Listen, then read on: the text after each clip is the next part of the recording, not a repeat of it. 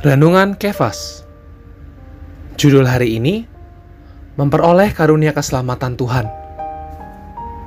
Markus pasal 16 ayat 16 berkata Siapa yang percaya dan dibaptis akan diselamatkan Tetapi siapa yang tidak percaya akan dihukum.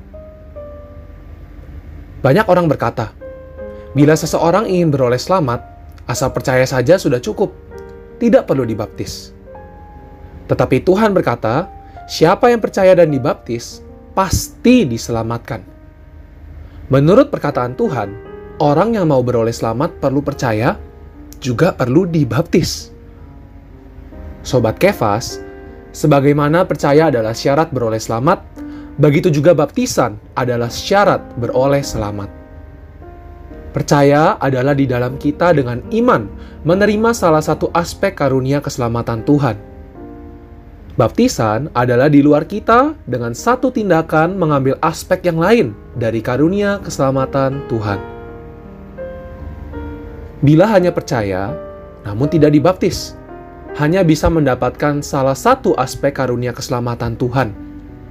Hanya dapat memperoleh sebagian dari karunia keselamatan Tuhan. Tidak bisa mendapatkan setiap aspek karunia keselamatan Tuhan tidak bisa menikmati semua bagian karunia keselamatan Tuhan. Bila ingin menikmati setiap bagian dari karunia keselamatan Tuhan, bila ingin mendapatkan seluruh bagian dari karunia keselamatan Tuhan, harus percaya dan dibaptis. Terang hari ini, satu, apakah setelah percaya Tuhan masih perlu untuk dibaptis? Dua, di pihak kita, apa yang perlu kita lakukan untuk mendapatkan seluruh bagian dari karunia keselamatan Tuhan? Poin doa. Berdoa agar kita senantiasa mengapresiasi dan menikmati karunia keselamatan Tuhan. Amin. Tuhan Yesus memberkati.